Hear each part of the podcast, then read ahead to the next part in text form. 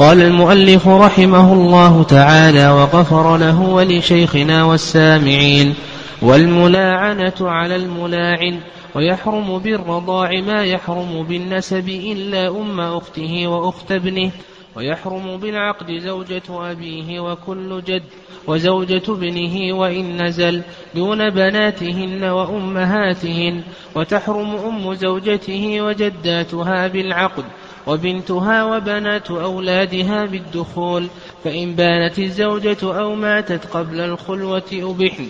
فصل في الضرب الثاني من المحرمات وتحرم إلى أمد أخت معتدته وأخت زوجته وبنتاهما وعم وعمتاهما وخالتاهما فإن طلقت وفرغت العدة أبحن فإن تزوجهما في عقد أو عقدين معا بطلا فإن تأخر أحدهما أو وقع في عدة الأخرى وهي بائن أو رجعية بطل وتحرم المعتدة والمستبرأة من غيره والزانية حتى تتوب. في الدرس السابق شرعنا فيما يتعلق بالمحرمات وذكرنا أن المحرمات ينقسمن إلى قسمين القسم الأول محرمات على التأبيد وهذه المحرمات على التأبيد تتنوع إلى خمسة أنواع. أخذنا بعض هذه الأنواع ونكملها إن شاء الله في هذا الدرس. وأما القسم الثاني فمحرمات على التأقيت وسيأتي إن شاء الله بيانهن. المحرمات على التأبيد ذكرنا أن أنواعهن خمسة. النوع الأول ما يحرم بسبب النسب أو بالنسب وهن سبع. وبينهن الله عز وجل بقوله تعالى حرمت عليكم أمهاتكم وبناتكم وأخواتكم وعماتكم وخالاتكم وبنات الأخ وبنات الأخت. والنوع الثاني المحرمات بسبب الاحترام وهن زوجات النبي صلى الله عليه وسلم.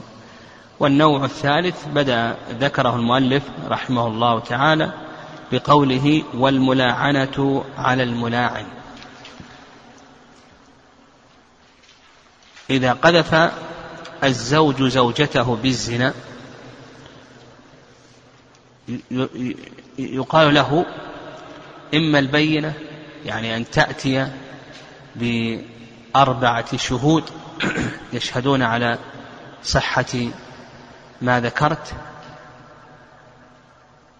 أو الاعتراف أن تعترف فإذا لم يكن شيء من ذلك تعترف المرأة. فإذا لم يكن شيء من ذلك فإلى اللعان. الأصل أن من قذف غيره بالزنا البينة أو حد في ظهره. هذا هو الأصل. لكن خرج خرج عن هذا الأصل في قذف الزوج زوجته. فإذا قذف الزوج زوجته يقال له البينة أو حد في ظهرك. تأتي لا بد أن تأتي بأربعة شهود أو حد في ظهرك أو تعترف المرأة. فإذا لم يكن شيء من ذلك تعذر عليه أن يأتي بأربعة شهود ولم تعترف المرأة فإنه يصار إلى ماذا؟ صار له إلى اللعان وأنه لاعن واللعان الله سبحانه وتعالى ذكر صفته في أول سورة النور. فيشهد الزوج على زوجته أربع مرات. أنها زنت. وفي الخامسة يشهد ويضيف وأن لعنة الله عليه إن كان من الكاذبين. يقول أشهد بالله لقد زنت زوجتي هذه يشير إليها أو يسميها فلانة إلى آخره. وفي الخامسة يزيد وأن لعنة الله عليه إن كان من الكاذبين. ثم بعد ذلك يترتب عليها العذاب يترتب عليها عقوبة العقوبة. لكي تسقط العقوبة لكي تدرأ عنها العذاب تشهد أربع مرات. تقول أشهد بالله لقد كذب فيما رماني به من الزنا. وفي الخامسة تضيف وأن غضب الله عليها إن كان من الصادقين.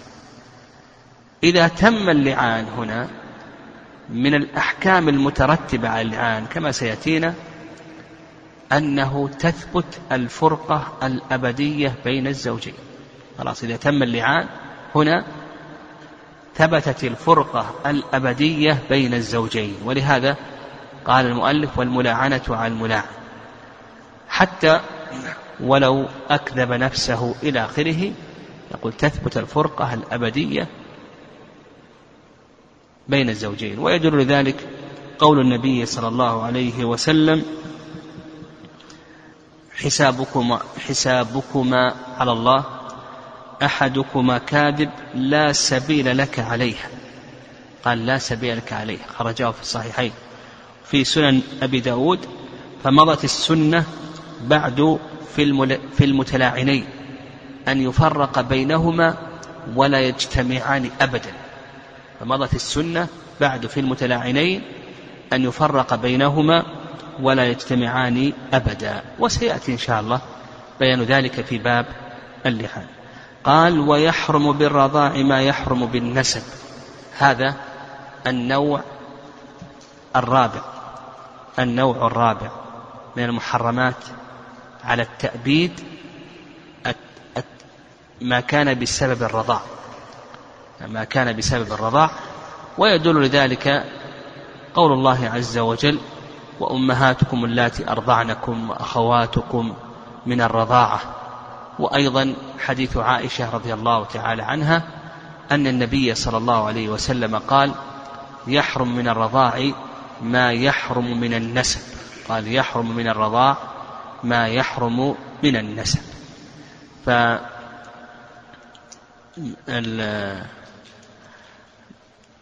اللاتي يحرمن من النسب كما تقدم السبع يحرم مثلهن من الرضاع.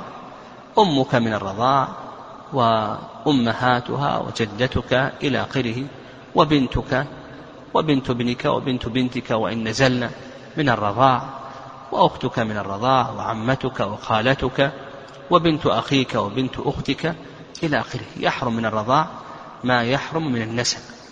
وقد ذكر بعض العلماء ضابطا في ذلك يعني ما يحرم من الرضاع. ذكر بعض العلماء ضابطا في ذلك والنبي صلى الله عليه وسلم ذكر الضابط قال يحرم من الرضاع ما يحرم من النسب كما تقدم. فالسبع اللاتي سبقنا في النسب يحرمن يحرم مثلهن من الرضاعة ذكر بعض العلماء ضابطا في ذلك فقال عندنا مرضعة وصاحب لبن ومرتضع. مرضعة وصاحب لبن ومرتضع.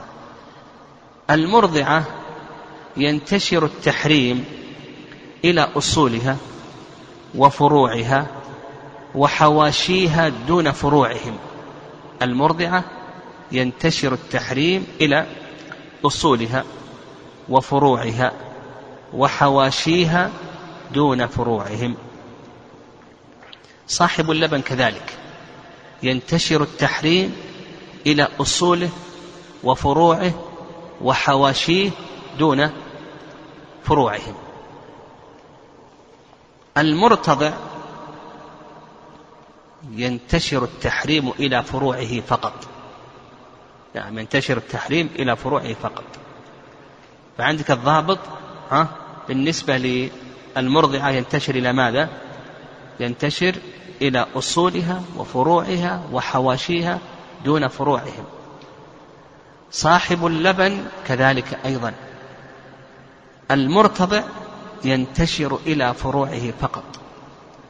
فمثلا مثلا كما قلنا المرضعة ينتشر إلى أصولها وفروعها وحواشيها دون فروعها فإذا رضع هذا الطفل من هذه المرأة هل له أن يتزوج أم هذه المرأة؟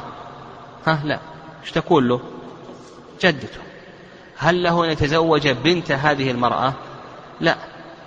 ها؟ تكون أختا له تشري الأصول والفروع. طيب هل له أن يتزوج أخت هذه المرأة؟ لا. تكون ماذا؟ تكون خالة له. هل له أن يتزوج بنت أخت هذه المرأة؟ نعم لأنه يتزوج بنت خالته بنت خالته. ولهذا قلنا ينتشر إلى الأصول والفروع والحواشي دون الفروع مثل أيضا صاحب اللبن. صاحب اللبن. هذا الطفل الذي رضع مثلا ليس له أن يتزوج أم صاحب اللبن لأنها تكون ماذا؟ جدة له. وليس له أن يتزوج بنت صاحب اللبن. ها؟ لأنها تكون أختا له. وليس له أن يتزوج أخت صاحب اللبن لأنها تكون عمة له. لكن له أن يتزوج بنت أخت صاحب اللبن لأنها تكون ابنة عمته. وعلى هذا فقط أيضا المرتضع كما قلنا ينتشر إلى فروعه فقط. فصاحب اللبن له أن يتزوج أم المرتضع. صاحب اللبن له أن يتزوج أمه. لو أن هذا الطفل شرب من لبنك لك أن تتزوج أمه. من النسب. ولك أن تتزوج أخته لأنه ما ينتشر التحريم للأصول والحواشي. لكن هل لصاحب اللبن أن يتزوج بنت المرتضع؟ ها لماذا؟ أيوة لأنه يتزوج بنت ابنه من الرضاعة فلا يجوز. طيب. قال المؤلف رحمه الله ويحرم بالرضاع ما يحرم بالنسب إلا أم أخته. أم أختك من النسب محرمة عليك لكنها في الرضاع أجنبية لك تزوجها. أم أختك من النسب وش تصير لك؟ أمك. نعم أمك أم أختك من النسب تكون أما لك. هذه محرمة عليك لكن في الرضاع لك أن تتزوجها مباحة. نعم. أم أختك من الرضاع. يعني لو أن امرأة أرضعت أختك لك أن تتزوج هذه المرأة. لكن من جهة النسب هذه إما أن تكون أما لك وإما أن تكون زوجة أبيك. ليس لك أن تتزوجها. أم أختك من الرضاعة أيضا أخت ابنك. أخت ابنك من النسب لك تزوجها ولا ما لك تزوجها وش تصير لك؟ بنتك. أخت ابنك تصير بنتك. ليس لك أن تتزوجها. لكن من الرضاع ها؟ لك أن تتزوجها. لأنه كما ذكرنا أن المرتضع ما ينتشر إلى الحواشي. نعم إيه نعم. فأخت ابنك لك أن تتزوجه من الرضاعة فابنك رضع من هذه المرأة وهذه المرأة لها بنت لك أن تتزوج هذه البنت. واضح؟ قال لك إلا أم أخته وأخت ابنه وأيضا أم أخيك من الرضاع. أم أخيك من الرضاع. أم أخيك من الرضاع من جهة النسب محرمة عليك. وش تكون لك؟ تكون أمك تكون أمك أو تكون زوجة أبيك. هذه محرمة عليك. لكن من جهة أم أخيك من الرضاع من جهة الرضاع هي أجنبية منك. أخوك رضع مع هذه المرأة فلك أن تتزوج رضع من هذه المرأة لك أن تتزوجها لأن المرتضع ما ينتشر إلا إلى فروعه لا ينتشر إلى حواشيه ولا إلى أصوله. قال المؤلف رحمه الله ويحرم بالعقد زوجة أبيه وكل جده. هذا النوع الخامس من المحرمات على سبيل التأبيد وهن المحرمات بالمصاهرة. والمحرمات بالمصاهرة أربعة أنواع. ثلاث منهن يحرمن بمجرد العقد وواحدة لا تحرم إلا بالدخول. ثلاث يحرمن بمجرد العقد وواحدة تحرم بأي شيء بمجرد الدخول. قال لك زوجة كل أب وإن على زوجة من جهة الأب أو من جهة الأم زوجة كل أب وكل جد وإن على من جهة الأب أو من جهة الأم. فهذه محرمة عليك إلى يوم القيامة. بمجرد أن يعقد أبوك أو جدك جدك من قبل الأب أو جدك من قبل الأم بمجرد أن يعقد على هذه المرأة فإنها تكون محرمة عليك إلى يوم القيامة. حتى لو مات عنها قبل الدخول أو طلقها قبل الدخول بمجرد العقد. وتبقى محرما لها إلى يوم القيامة. ويدل لذلك قول الله عز وجل ولا تنكحوا ما نكح آباؤكم من النساء. والإجماع منعقد على ذلك. قال وزوجة ابنه وإن نزل. أيضا ابنك. وإن نزل ابنك وابن ابنك وإن نزل وابن ابنتك وإن نزل. بمجرد أن يعقد على امرأة فإنها تكون محرمة عليك إلى يوم القيامة. ويدل ذلك قول الله عز وجل وحلائل أبنائكم الذين من أصلابكم حتى لو طلقها حتى لو مات عنها حتى لو طلقها تكون محرم لها. لك أن تنظر إليها لك أن تخلو بها لك أن تسافر بها إلى آخره إلى يوم القيامة. وزوجة ابنه وإن نزل نعم دون بناتهن وأمهاتهن. طيب. زوجة الأب من النسب أبوك من النسب هذه محرمة عليك انتهينا الكلام. لكن بقينا في زوجة الأب من الرضاعة زوجة الإبن ابنك من النسب ابنك من الصلب هذه محرمة عليك كما تقدم. لكن بقينا في زوجة ابنك من الرضاعة هل هي محرمة عليك أو ليست محرمة عليك؟ ومثل ذلك أيضا أم زوجك من الرضاعة لو كان لزوجتك أم من الرضاعة وعقدت على هذه المرأة فهل زوجة الأب من الرضاع محرمة؟ هل زوجة الإبن من الرضاع محرمة؟ هل أم الزوجة من الرضاع محرمة أو لا؟ ها؟ واضحة الصورة واضحة؟ للعلماء في هذا رأيان. الرأي الأول رأي جمهور جمهور أهل العلم. يقولون بأنهن يحرم فإذا كان لك أب من الرضاع وعقد على امرأة كأبيك من النسب تماما. ولك ابن من الرضاع وعقد على امرأة كابنك من النسب تماما. واستلوا على ذلك بالعمومات. ولا تنكحوا ما نكح آباؤكم وحلائل أبنائكم الذين من أصلابكم حلائل أبنائكم إلى آخره وأمهات نسائكم إلى آخره. والرأي الثاني وهو اختيار شيخ الإسلام تيمية رحمه الله أنه لا يحرم من الرضاع ما يحرم بالمصاهرة. أنه لا يحرم يعني الجمهور يقولون يحرم من الرضاع ما يحرم بالمصاهرة لكن شيخ الإسلام يقول لا يحرم من الرضاع ما يحرم بالمصاهرة. وهذه من المسائل التي انفرد بها شيخ الإسلام تيمية رحمه الله عن الأئمة الأربعة. ويستدل على ذلك بأن نعم يستدل على ذلك بأن ابن الرضاع لا يدخل عند الإطلاق. يعني ابن الرضاع والأب من الرضاع والأم من الرضاع عند إطلاق الأب وإطلاق الابن ما يدخل. نعم ما يدخل. ولهذا الإجماع قائم على أنه لا يدخل في قول الله عز وجل يوصيكم الله في أولادكم.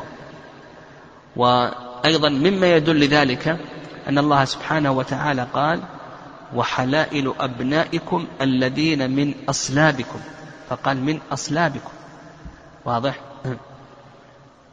دل على أن المحرمة هي زوجة الإبن الذي من الصلب. يفهم من ذلك أن زوجة الإبن ابن الرضاع أنها لا تحرم. أنها لا تحرم. وأيضا كما سلف أنه عند الإطلاق لا يدخل أبو الرضاع الأب من الرضاع والإبن من الرضاع والأم من الرضاع يدل ذلك أن الله سبحانه وتعالى فرق قال حرمت عليكم أمهاتكم وبناتكم ثم قال بعد ذلك وأخواتكم من الرضاعة وأخواتكم من الرضاعة لو كانت الأخت من الرضاعة تدخل عند الإطلاق ما احتاج أو ما احتاج إلى أن يقال بعد ذلك وأخواتكم من الرضاعة. وأمهاتكم اللاتي أرضعنكم إلى آخره. وأيضا مما يستدل به الشيخ الإسلام تيمية رحمه الله أن الله سبحانه أن النبي صلى الله عليه وسلم في حديث عائشة قال يحرم من الرضاع ما يحرم من النسب. يفهم منه أنه لا يحرم من الرضاع ما يحرم بأي شيء بالمصاحبة نعم. وهذا يعني لا شك أن من حيث الدليل أن ما ذهب إليه الشيخ الإسلام تيمية رحمه الله هو الأقوى من حيث الدليل لكن من حيث الاحتياط والورع خصوصا إذا عرفنا أن الشارع يحتاط فيما يتعلق بالفروج يقول الورع أن الإنسان أنه لا يتزوج. هذا الورع وهذا باب الاحتياط. قال المؤلف رحمه الله تعالى دون بناتهن وأمهاتهن. دون بناتهن وأمهاتهن. يعني يجوز لك أن تتزوج ربيبة أبيك. أبوك لا مو من الرضاعة نعم. ربيبة أبيك من النسب. أبوك إذا تزوج امرأة ولها بنت من زوج سابق المرأة هذه تحرم عليك إلى يوم القيامة مجرد العقد. لكن بالنسبة لبنتها وش حكم بنت بنت بنت زوجة أبيك يعني ربيبة أبيك ها جائزة لا بأس بذلك. أيضا يجوز لك أن تتزوج أم زوجة أبيك. لو أن أباك تزوج امرأة ولها أم ها وش حكم أمها؟ هل هي مباحة لك ولا محرمة عليك؟ مباحة. ولهذا لا يجوز لك أن تنظر إليها ولا أن تخلو بها إلى آخره. أبوك له أن ينظر إليها وأن يخلو بها لكنك ما تنظر إليها. واضح؟ ومثله أيضا ربيبة الإبل. لك أن تتزوج ربيبة ابنك. لو أن ابنك تزوج امرأة ولها بنت لك أن تأخذ هذه البنت. ولك أيضا أن تتزوج أم زوجة ابنك. لك أن تتزوج أم زوجة ابنك. فابنك زوجته لها أم لك أن تتزوجها. ولهذا هذه الأم محرمة عليك. لا, لا تنظر إليها وهي مباحة لك من حيث الزواج. نعم ولهذا قال في المؤلف دون بناتهن وأمهاتهن. قال وتحرم أم زوجته وجداتها بالعقد. هذه الثالثة الثالثة أم الزوجة وجداتها. بمجرد أن تعقد على هذه المرأة فأمها محرمة عليك إلى يوم القيامة. بمجرد أن تعقد على هذه المرأة. وجداتها أيضا محرمات عليك إلى يوم حتى لو طلقت هذه المرأة تبقى يبقى التحريم وتبقى المحرمية لك أن تنظر إليها وأن تخلو بها إلى آخره وتكون محرما لها إلى يوم القيامة. هؤلاء ثلاث يحرمن بأي شيء؟ بالعقد من المصهر قال لك وبنتها وبنات أولادها بالدخول. هذه هي الرابعة. الرابعة بنت الزوجة. يعني بنت الزوجة. وبنت ابنها وإن نزل. وبنت بنتها وإن نزلت. يعني بنت لو أن أنك عقدت لو أنك تزوجت امرأة ولها بنت فهذه ربيبة لك. متى تحرم عليك ومتى لا تحرم عليك؟ هذا سيأتي. أيضا لو كان لهذه المرأة ابن وهذا الابن له بنت فهذه البنت تكون ماذا؟ أيضا تكون ربيبة لك. يعني ولو كان أيضا لهذه المرأة بنت وهذه البنت لها بنت هذه أيضا ربيبة. فالربيبة بنت الزوجة وبنت ابنها وبنت بنتها ولو نزل نزلت. بنت ابنها وإن نزل. بنت ابن ابن الإبن. وبنت بنت بنت البنت. هذه كلها داخلة في الربيبة. لكن وأيضا نفهم أيضا مسألة أخرى تشكل على كثير من الإخوة فيما يتعلق بالربيبة. أن الربيبة سواء كانت من زوج سابق أو من زوج لاحق. كله داخل في الربيبة. يعني, يعني سواء كانت من زوج سابق أو كانت من زوج لاحق. فلو فرض أن هذا الرجل طلق هذه المرأة ثم تزوجت رجلا آخر وأنجبت بنتا فهذه البنت تكون ربيبة لك. مع أنك طلقت هذه المرأة. واضح؟ أو مو واضح؟ واضح. يعني أنت تزوجت هذه المرأة ودخلت بها. ثم طلقتها ثم تزوجت زوجا آخر وأنجبت بنتا فنقول بأن هذه البنت تكون ربيبة لك تحرم عليك وتكون أنت محرما لها إلى آخره. طيب بالنسبة قال لك وبنتها وبنات أولادها بالدخول الثلاث السابقة يحرمن بالعقد لكن الربيبة تحرم بالدخول ويدل لذلك قول الله عز وجل وربائبكم اللاتي في حجوركم من نسائكم اللاتي دخلتم بهن. دخلتم بهن. فقال دخلتم بهن. وعلى هذا لو أنه خلا بهذه المرأة ولم يدخل بها يعني لم يحصل جماع وإنما حصلت خلوة. هل تحرم الربيبة أو لا تحرم؟ نقول بأنها لا تحرم الربيبة. الربيبة لا تحرم إلا إذا حصل الدخول بالأم بمعنى الجماع. ويدل لهذا أن الله سبحانه وتعالى قال دخلتم بهن. ولم يقل دخلتم عليهن وإنما قال دخلتم بهن مما يدل على أنه لا بد من أي شيء لا بد من الجماع. طيب الله سبحانه وتعالى اشترط شرطين لكي تحرم الربيبة الشرط الأول قال وربائبكم اللاتي في حجوركم. هذا الشرط الأول. من نسائكم اللاتي دخلتم بهن. فالشرط الأول الدخول هذا ما فيه إشكال. لكن بقينا في الحجر. هل يشترط أن تكون هذه البنت في حجر الزوج لكي تحرم عليه أو لا يشترط؟ هذا موضع خلاف بين العلماء رحمهم الله تعالى. فالرأي الأول وهو رأي أكثر أهل العلم أنه لا يشترط سواء كانت في حجره يعني تربت معه في بيته أو تربت خارج البيت. هذا رأي جماهير أهل العلم. واستدلوا بقول الله عز وجل وربائبكم اللاتي في حجوركم وأيضا حيث أم حبيبة. وفيه قول النبي صلى الله عليه وسلم فلا تعرضن علي علي بناتكن ولا أخواتكن. يقول لأم حبيبة لما عرضت عليه أن, أن يتزوج من أختها. قال لا تعرضن علي بناتكن. دل عن البنت ها أنها محرمة. نعم وهذا يشمل ما إذا كانت في الحجر أو لم تكن في الحجر. بل إن السبب أن أم حبيبة ذكرت للنبي صلى الله عليه وسلم أنها سمعت أنه يريد أن يتزوج بنت أم سلمة. وبنت أم سلمة ماذا؟ ربيبة النبي صلى الله عليه وسلم.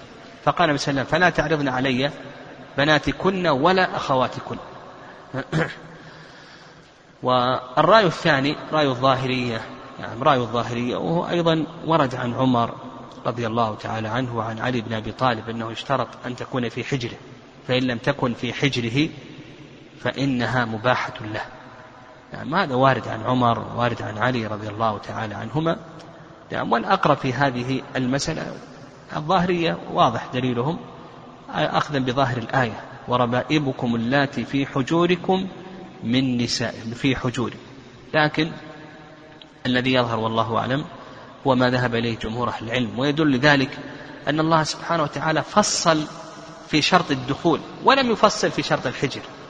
دل على أن هذا القيد أغلبي وأنه لا مفهوم له.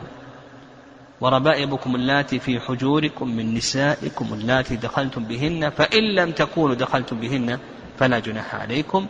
وأما قول في حجوركم فهذا نقول بأنه قيد أغلبي وما كان قيدا أغلبيا فإنه لا مفهوم له. قال فإن بانت الزوجة أو ماتت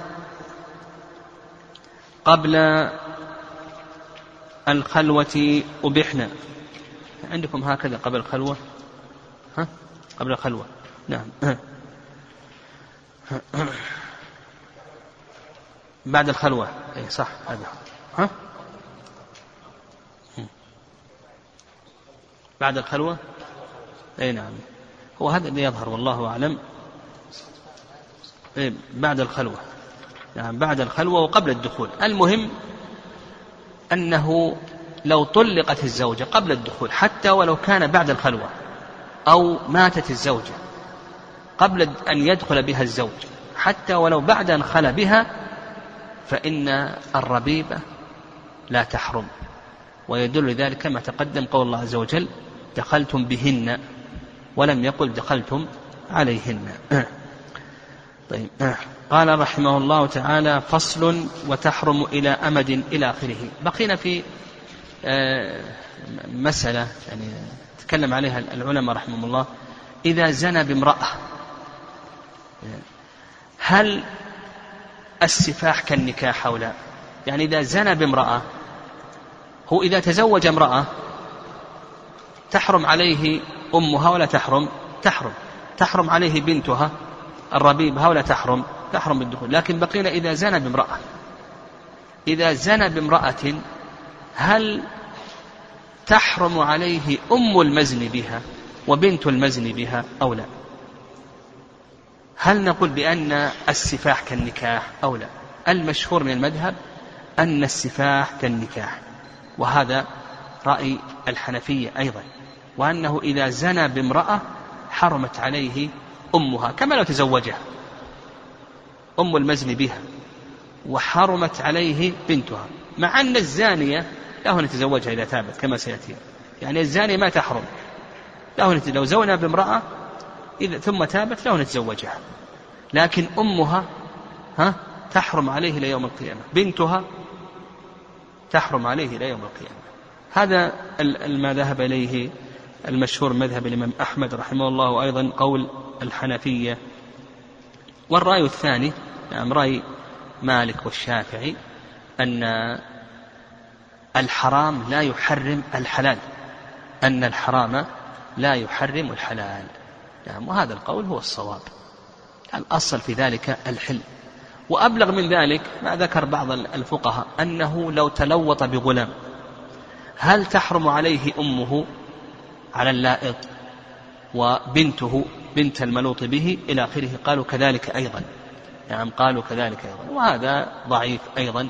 والصواب أن الحرام لا يحرم الحلال.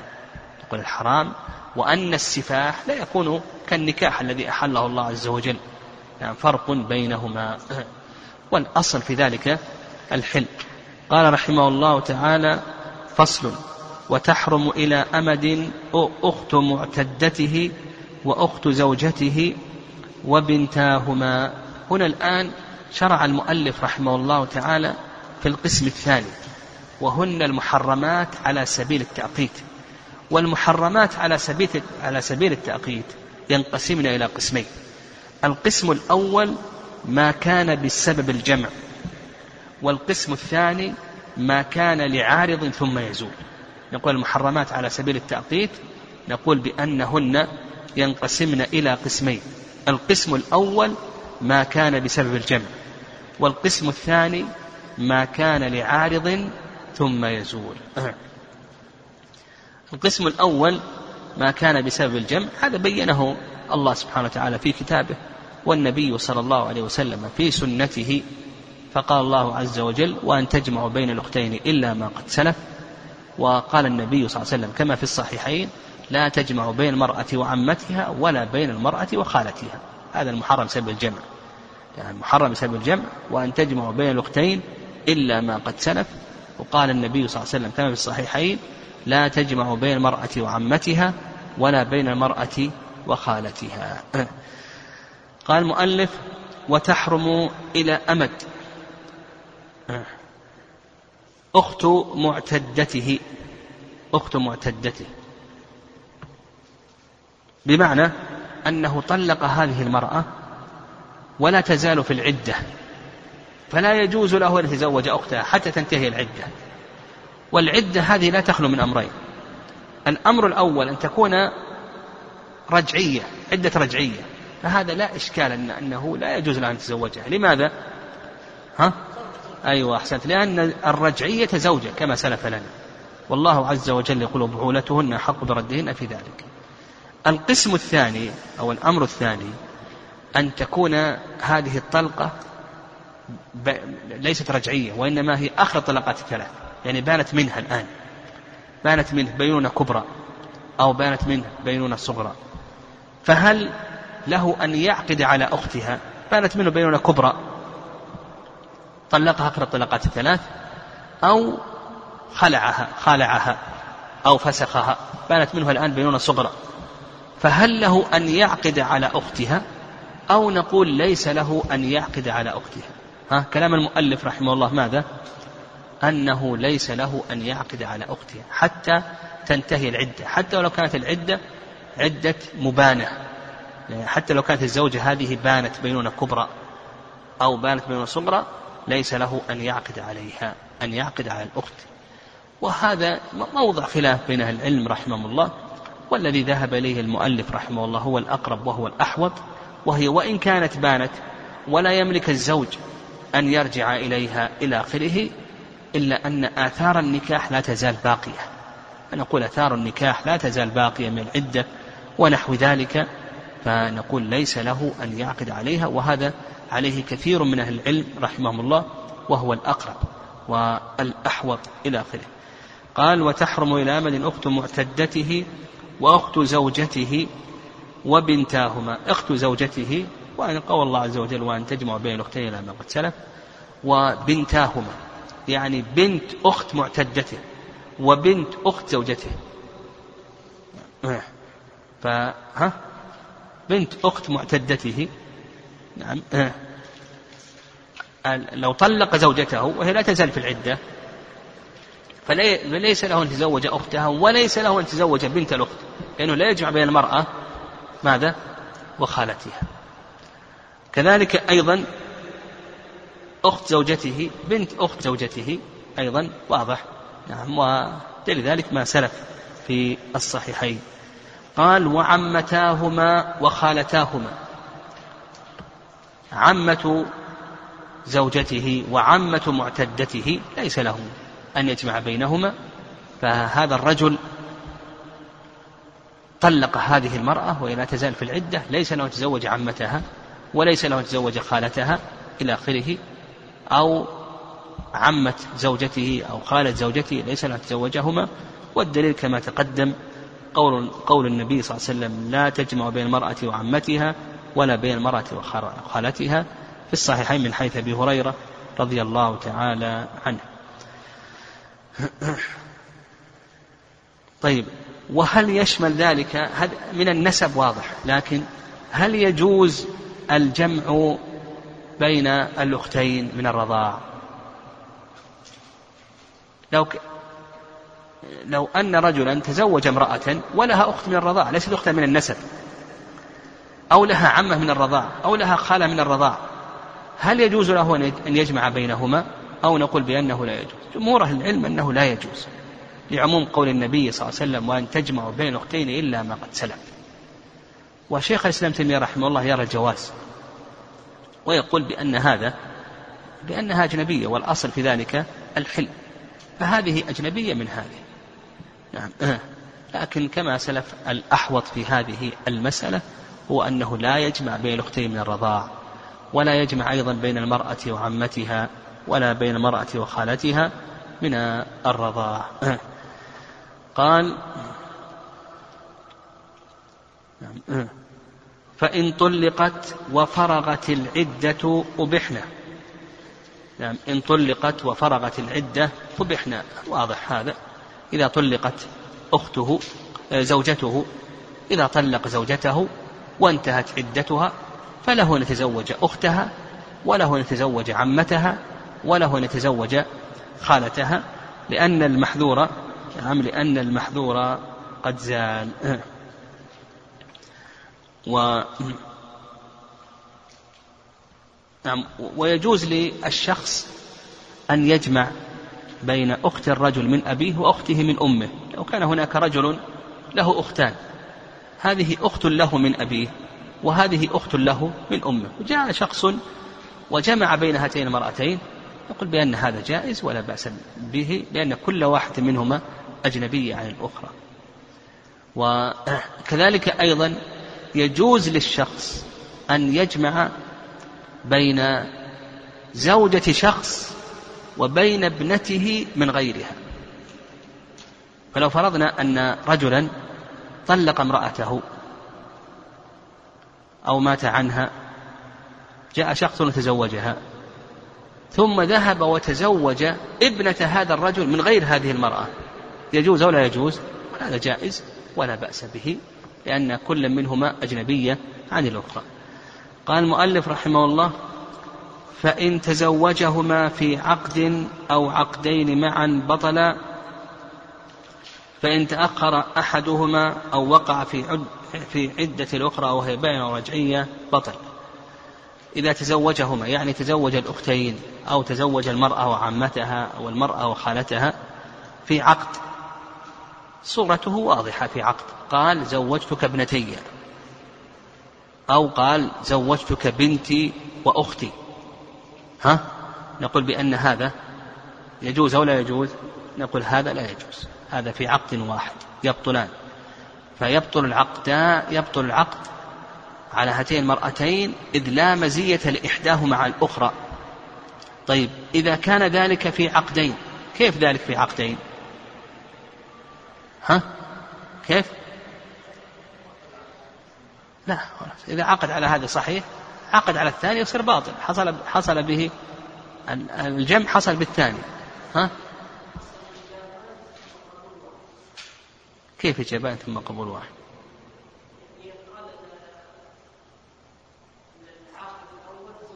أي أصبح هذا عقد واحد. يريد نحن في عقدين ويقول لك المؤلف في عقدين. أي أحسنت وكل صح. هو تولى التزويج. قال زوجتك ابن ابنتي وقال وكيل الزو وكيل الولي. ها؟ عندنا نعم وكيل الولي. قال زوجتك فلانة أختها. في لحظة واحدة. الزوج يقول قبلت للولي ووكيل الزوج يقول قبلت لوكيل الولي. هنا الآن في عقدين وهذه يعني صورة نادرة يعني نادرة لكن المؤلف رحمه الله ذكرها. فعندنا ولاية ونيابة في الولاية وكالة. الولي قال زوجت وكيل الولي قال زوجت. البنت الأخرى. الزوج قال قبلت وكيل الزوج قال قبلت في نفس اللحظة. نقول هنا يبطل. قال فإن تأخر أحدهما أو وقع في عدة الأخرى وهي بيع رجعية بطل. يعني بطل المتأخر لأن الجمع حصل به. المنع حصل به. فمثلا عقد على هذه البنت ثم عقد على البنت الأخرى. نقول الثاني هو الباطل. أو وقع في عدة الثاني وهي باع أو رجعية. عقد على الأخت وهي في في العدة. عدة البينونة أو عدة الرجعية ها؟ نقول بأنه باطل. نقول بأن هذا العقد باطل. طيب إذا سبق أحدهما وجهل السابق ولنفرض أنه عقد على هذه البنت لزيد ثم عقد على أختها لزيد أيضا. أحدهما سبق لكن جهلنا السابق منهما. نعم. إذا علمنا أنهما في عقد واحد أو في عقدين معا لا شك أنهما يبطلان. لكن إذا كان أحدهما سابقا نعم فما الحكم؟ الفقهاء رحمهم الله يقولون بأن العقد يفسخ لجهالة السابق. ولإحداهما نصف المهر بقرعة. كما سيأتينا أن المرأة إذا طلقت قبل الدخول فإن لها نصف المهر كما سيأتي إن شاء الله. قال رحمه الله تعالى وتحرم المعتدة والمستبرأة من غيره. والمؤلف رحمه الله تحرم المعتدة هذا شروع في القسم الثاني. شروع في القسم الثاني وهو أن يكون التحريض التحريم لعارض ثم يزول. يعني القسم الثاني أن يكون التحريم لعارض ثم يزول. تقدم أن التحريم على سبيل التأقيت ها ينقسم إلى ماذا؟ ينقسم إلى قسمين. القسم الأول بسبب الجمع والقسم الثاني لعارض ثم يزول. انتهى من سبب الجمع. الآن بدأ فيما كان لعارض ثم يزول وهذا يدخل تحته ماذا؟ يدخل تحته المعتدة والمستبرأة وكذلك أيضا آه، الزانية كما سيذكر المؤلف رحمه الله تعالى. المعتدة آه، لا تخلو من أمرين. الأمر الأول أن تكون معتدة من الشخص نفسه. أن تكون معتدة من الشخص نفسه. فهذا يجوز له أن يعقد عليها إذا لم تكن عدة البينونة الكبرى. أما إذا كانت بينونة كبرى فإنها لا تحل له حتى تنكح زوجا غيره. أجل متى يعقد عليه إذا كانت العدة له؟ متى؟ ها؟ في الفسخ أحسنت. وغيره؟ في الخلع. في الخلع وفي الفسخ. أما إذا طلقها دون ما يملك من العدد فهذه رجعية ما في حاجة إلى العدة. إذا طلقها دون ما يملك من العدد هذه رجعية يراجعها ولا حاجة إلى العقد. وإذا طلقها آخر الطلقات الثلاث. هنا الآن بانت منه بينونة كبرى. بانت منه بينونة بينونة كبرى. لا ليس له عقد عليها لكن إذا بانت بدون الثلاث يعني بانت بالفسخ أو بانت بالخلع ها فهنا له أن يعقد عليها. هذه إذا كانت العدة له. والمؤلف قال عدة ويأتينا إن شاء الله أن الصحيح أنه يكفي الاستبراء. القسم الثاني أن تكون العدة لغيره فهنا لا يجوز له أن يعقد عليها ولهذا حرم أن يخطب حرم أن يخطب في العدة خطبة تصريح أما إن كانت رجعية فالأمر في ذلك ظاهر أنه لا يجوز له أصلا أن يخطبها الرجعية. إن كانت غير رجعية بانت بينونة كبرى أو مات زوجها أيضا لا يجوز له أن يعقد عليها لقول الله عز وجل ولا تعزموا عقدة النكاح حتى يبلغ الكتاب أجله حتى تتم العدة. فالعقد على المرأة في حال العدة نقول بأن هذا محرم ولا يجوز. قال لك والمستبرأة من غيره. نعم المستبرأة من غيره. أيضا لا يجوز له أن يعقد عليها. يعني المستبرأة لا يجوز له أن يعقد عليها في مدة الاستبراء. ونفهم أن أنهم يضيقون الاستبراء. الاستبراء المشهور من المذهب أنهم يضيقون الاستبراء. ويجعلون الاستبراء الاستبراء يجعلونه وين؟ ها؟ في الأمة. نعم يجعلون الاستبراء في الأمة. يعني إذا اشتريت أمة ليس لك أن تطأ هذه الأمة حتى تستبرئها بحيضة. نعم حتى تستبرئها بحيضة. نعم. ويوسعون العدة. والرأي الثاني أن أن الاستبراء ليس خاص بالأمة. نعم ليس خاص بالأمة. كما هو رأي ابن القيم رحمه الله وغيره من العلم. فعندك المفسوخة لفوات شرط أو وجود عيب. الصواب أنه استبراء. ما في حاجة للعدة لأن العدة تطويل العدة لكي يكون هناك مراجعة. هنا ما في مراجعة. المفسوخة لعيب أو شرط. مثله أيضا ها الزانية. صحيح أنه عليها عدة عليها استبراء وليس عليها عدة. أيضا المخلوعة أيضا عليها استبراء وليس عليها عدة. أيضا المهاجرة المسبية التي أسلمت نعم التي أسلمت أيضا هذه عليها استبراء وليس عليها عدة. أيضا المطلقة آخر الطلقات الثلاث. شيخ الإسلام يقول إن قال به أحد قلت به وأن عليها استبراء وليس عليها عدة. طلقها زوجها آخر الطلقات الثلاث.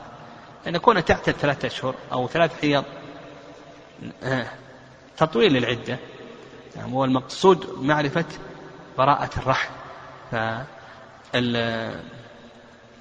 أيضا شيخ الإسلام يقول قال به أحد قلت به. ذكر صاحب الاختيارات أنه قال به ابن لبان من من التابعين. وكذلك أيضا الملاعنة يعني أيضا هذه عليها استبراء. يعني الملاعنة أيضا هذه نقول بأن عليها الاستبراء. وكذلك أيضا من وطئت بعقد فاسد. ومن وطئت بعقد باطل وكذلك أيضا من وطئت بشبهة. هؤلاء كلهن صواب أن عليهن استبراء. المهم المستبرأة من غيره يقول لك المؤلف رحمه الله ليس له أن يطأها. نعم المستبرأة من غيره ليس له أن يطأها. أما إذا كانت مستبرأة منه فلا فيؤخذ من كلام المؤلف أنه لا بأس أن يطأها. فلو أنه أراد أن يبيع أمته يستبرئها فإذا وطئها في مدة الاستبراء جاز ذلك. نعم لكن ليس له أن يبيعها إلا بعد أن يستبرئ. نعم. نعم. قال المؤلف رحمه الله والزانية حتى تتوب وتنقضي عدتها. نعم. الزانية. يقول المؤلف رحمه الله تعالى الزانية ليس له أن يتزوجها. من كلام المؤلف رحمه الله أن الزانية لا يجوز نكاحها حتى تتوب من زناها. ويدل لذلك قول الله عز وجل الزاني لا ينكح إلا زانية أو مشركة والزانية لا ينكحها إلا زان أو مشرك. وحرم ذلك على المؤمنين. فقال الزانية لا ينكحها إلا زان أو مشرك. وش معنى الآية؟ الزانية لا ينكحها إلا زان أو مشرك. وش معنى الآية؟ ها؟ كيف؟ أي نعم. إذا كان رادا لحكم الله عز وجل وتزوج هذه المرأة يعني تزوج الزاني حرام. إذا رد حكم الله فهو مشرك. لأنه شارك الله عز وجل في التحريم. إذا رد حكم الله وتزوج هذه المرأة فهو مشرك. إذا رضي بحكم الله وتزوج هذه الزانية فهو زاني. هذا مع الآية. يعني مع الآية كما يقول شيخ الإسلام الزانية لا ينكحها إلا زان أو مشرك. إلا زان أو مشرك. وش معنى الآية؟ معنى الآية أنه إذا رد حكم الله وهو تحريم نكاح الزانية. فهذا مشرك لأنه شارك الله عز وجل في التحليل والتحريم.